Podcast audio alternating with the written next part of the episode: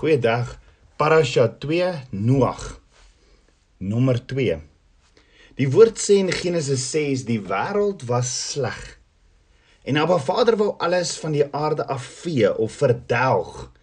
En sy oë die aarde deurgrond en sien toe een man raak, Noag. In Genesis 6 vers 6 staan Abba Vader het berou gehad dat hy die mens op die aarde gemaak het. En daar was smart in sy hart. Maar Noag het genade gevind in die oë van Abba Vader want Noag was 'n regverdige, opregte man onder sy tydgenote. Noag het saam met Abba Vader in totale gehoorsaamheid gewandel. So die eerste kenmerk van Noag uit Abba Vader se oë is kenmerk nommer 1 Noag was 'n regverdige man. In Genesis 18 vers 23 leer ons dat 'n regverdige die teenoorgestelde beteken as goddelose. So Noag was regverdig, maar dit beteken nie dat hy sondeloos was nie. So wat beteken dit dat Noag regverdig was? Die Hebreëus vir regverdig en opreg is tzadik. Nou dit is die teenoorgestelde van rasha of boos. Die geregtigheid wat Abba Vader in Noag raak gesien het was bes, was beslis nie gebaseer op die feit dat Noag net wonderlike dade verrig het nie of die beste aanbidder was of miskien die grootste offerandes gebring het nie. Maar dit wat Abba Vader gesien het was geloof in die God van sy voorvaders en 'n begeerte om so sy voorvaders saam met Abba Vader te wandel in geloof. Die mees uitstaande kenmerk was die feit dat hy in totale oorgawe aan die wil van Abba Vader gelewe het. Hy het hom nie met allerlei ander gode besig hou nie. Hoor gou-gou, regverdig of tzadik beteken dat Noag met geen sonde rondgeloop het wat nie bely vergewe en skoon gewas was nie. Jy sien daar's daar's geen manier hoe ons onsself kan regverdig nie. As ons regverdig is in ons eie oë, is ons hoogmoedig en dan Vader verag en verwerp enige vorm van geregtigheid en haat hoogmoed. Ja, maar Vader roep ons na 'n intieme verhouding met hom waar ons hom onderdanig en gehoorsaam is in alles. So toe Abba Vader gesê het Noag is 'n regverdige man, was dit nie gebaseer op enige groot dade wat Noag gedoen het of groot offers wat Noag gebring het nie. Nee. Gehoorsaamheid is ook beter as enige offer. Dit was ook nie op grond van hoe passievol Noag gebid het of met watter gawes hy geseën was was nie. Nie geregtigheid vir Noag en vir ons is te vind in 'n vertroue op ons Skepper se goedheid en genade. Geregtigheid is 'n oorgawe aan Abba Vader se wil vir jou lewe om sy stem te shma. Heer, listen nou by. Geregtigheid is om in verbond met Abba Vader te leef. Geregtigheid is om in jou wandel opreg te leef volgens sy woord. Nou Noag het 'n boodskap van berou aan 'n goddelose en 'n oorspellige geslag verkondig. Want die apostels noem hom 'n prediker van geregtigheid wat sy geslag tot berou geroep het. 2 Petrus 2 vers 5 sê want as God die ou wêreld nie gespaar het nie, maar Noag, die prediker van geregtigheid met sewe ander bewaar het toe hy die sondevloed oor die wêreld van goddelose mense gebring het. So Noag het die mense van sy tyd gewaarsku oor 'n naderende dag van godde goddelike woede en oordeel.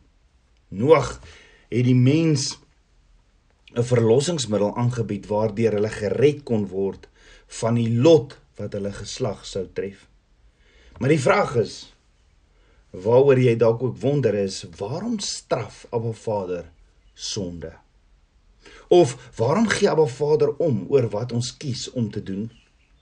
Of waarom word ons persoonlike keuses beoordeel? Of waarom gaan ons rekenskap moet gee oor alles wat ons doen?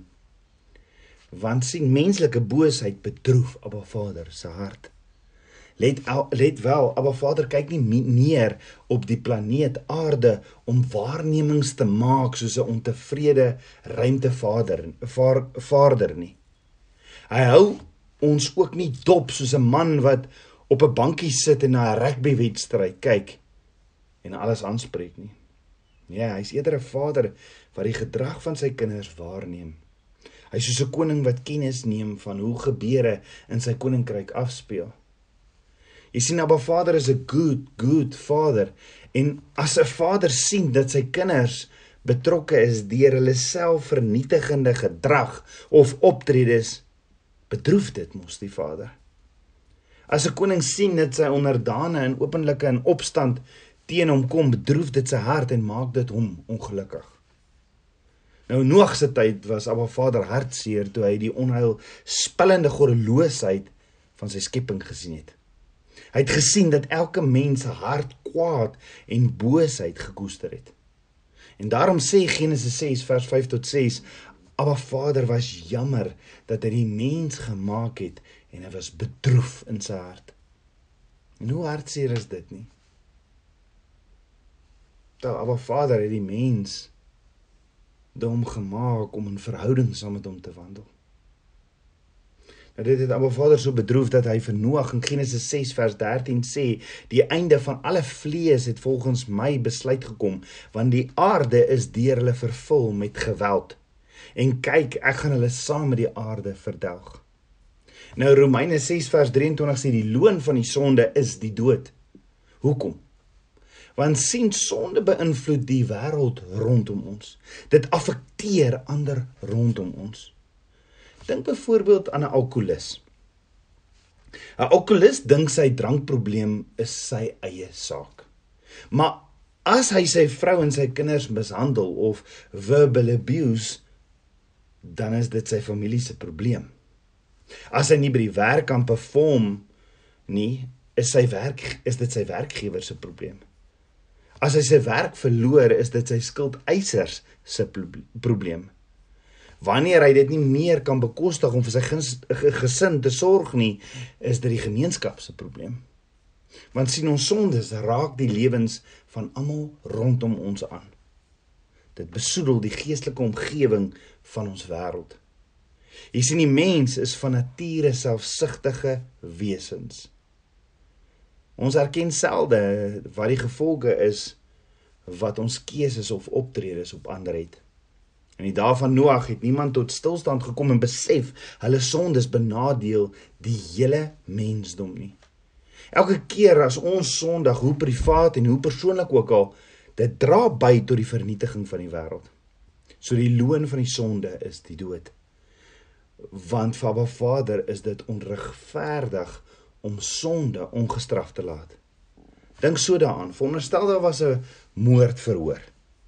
Die beskuldiges is skuldig bewys en die jury het 'n afspraak van skuld het hy of het 'n uitspraak van skuld gelewer. Maar die regter wat vriendelik en sagmoedig was, het die uitspraak tersyde gestel en gesê: "Wel die arme man, hy's waarskynlik jammer." en ek dink nie ons behoort of moet hom straf nie. Hoe sal almal dan reageer? Almal sal woedend wees oor die dwaasheid van die ongeregtige uitspraak dan nie? Maar hoekom wil mense Abba Vader so voorstel?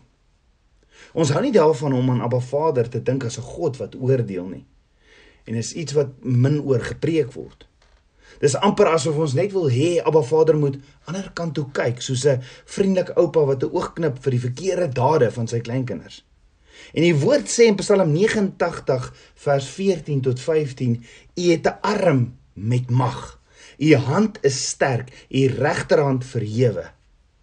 Hoor gou-gou. Geregtigheid en reg is die grondslag van u troon. Goedentierenheid en trou gaan voor u aangesig uit. Met ander woorde, Abba Vader se koninkryk is gegrond op geregtigheid. So aangesien Abba Vader die standaard van geregtigheid is, kan hy mos nie onregverdig wees nie. Dit is die probleem met sonde, dit wek oordeel. Nou in die dae van Noag was die sonde van die mensdom so groot dat dit geregtigheid geëis het, dat Abba Vader daarteen moes optree. En daarom het Abba Vader verkies om die wêreld te herstel of reg te maak.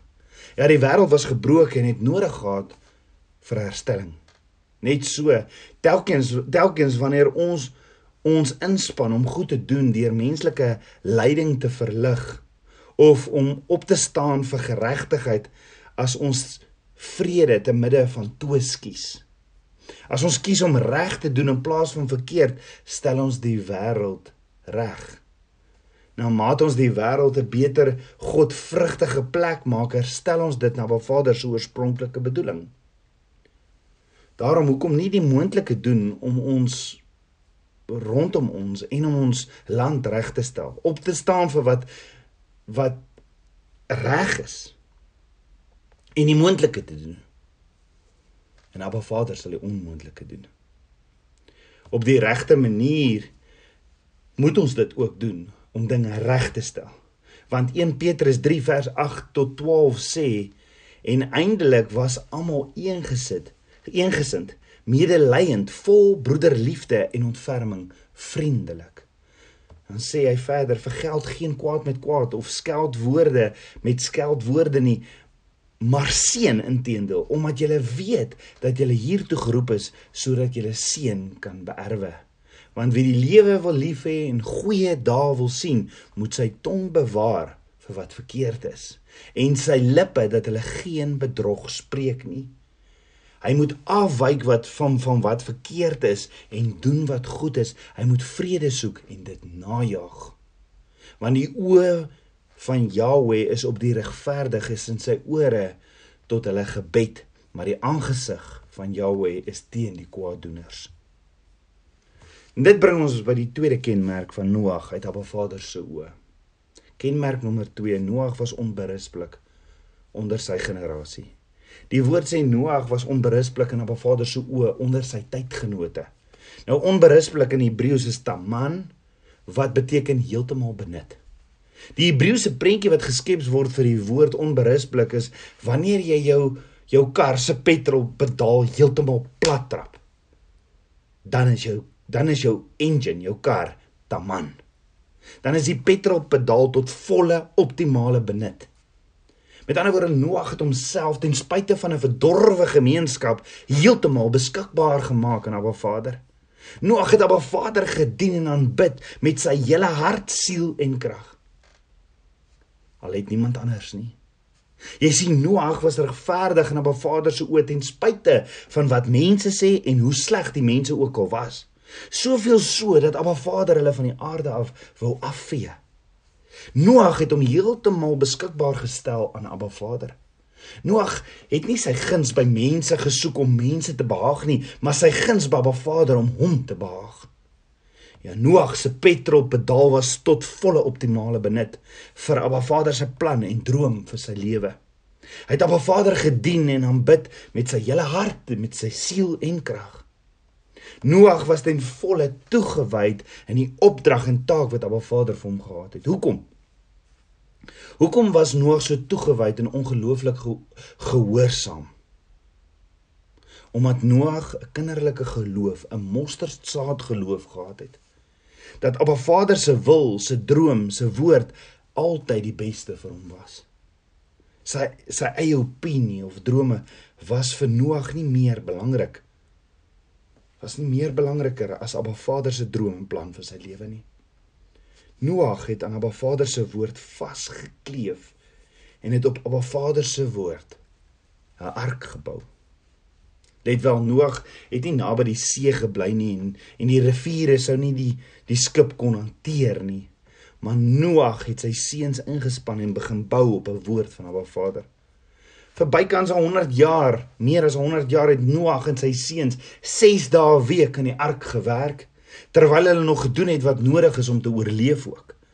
Nou kan jy dink wat se spottery is gemaak van Noag en sy familie.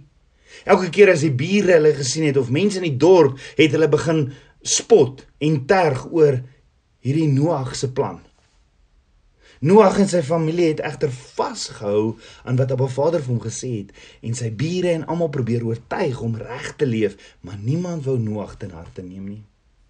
Maar ten spyte van dit het Noag en sy familie Abba Vader geshema. Hier is nou by. Let wel Noag was nie perfek nie. Net Yeshua is perfek. Maar Noag het 'n passie en 'n energie gehad wat ten volle gebruik was in sy verhouding met Abba Vader. In Noag se onvolmaaktheid het hy geen sonde of tekortkominge gehad waaroor hy nie vergifnis en verzoening ontvang het nie.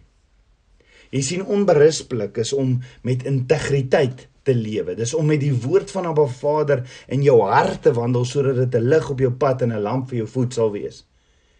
En nie net vir jou nie, maar 'n lig vir 'n donker, donker wêreld.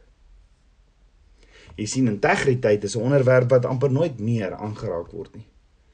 En dis nie so seer wat ons vir Abba Vader doen wat saak maak nie, maar wie ons is.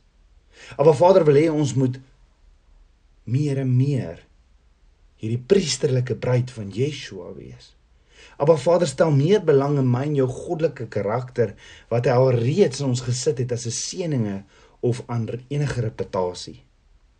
Integriteit is eerlikheid, deursigtigheid en geregtigheid. Integriteit is om te weet wat die regte ding is om te doen en oor te gaan in aksie en dit te doen. Prakties vandag gaan koop jy iets by Woolies en hulle gee jou te veel klein geld. Jy sien hoe dit gebeur, maar jy bly stil. Loop weg en tog is jy te dankbaar oor hierdie gelukkie wat jy nou getref het. Of 'n ander voorbeeld, in die werksplek is jy jy het 'n 20 bladsye dokument gekry wat jy moet druk vir jou kind se skoolwerk. Druk jy dit op die werk se drukker of nie?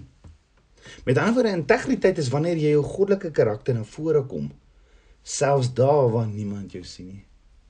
Dis wanneer wat jy sien is wat jy kry. Die Woordeboek verklaring van integriteit is regskaapenheid. En Spreuke 28 vers 6 sê die arme wat in sy regskaapenheid wandel is beter as die verkeerde wat twee paaie wil loop en daarbey ryk is. So wat beteken regskaapenheid nou eintlik? Dit beteken dat ons reg geskape is na die beeld van Abba Vader. Genesis 1 vers 26 Tselem Elohim. Jy is 'n refleksie van wie Abba Vader is. Jy's 'n ambassadeur. So as jy integriteit het, is jy is jy 'n reggeskape persoon wat doen wat reg is. Integriteit beteken dat jy jou jou woord gee en dit hou want 'n man se woord se man se eer. Mense wat vol integriteit het is is vol van Abba Vader se karakter en sy woord.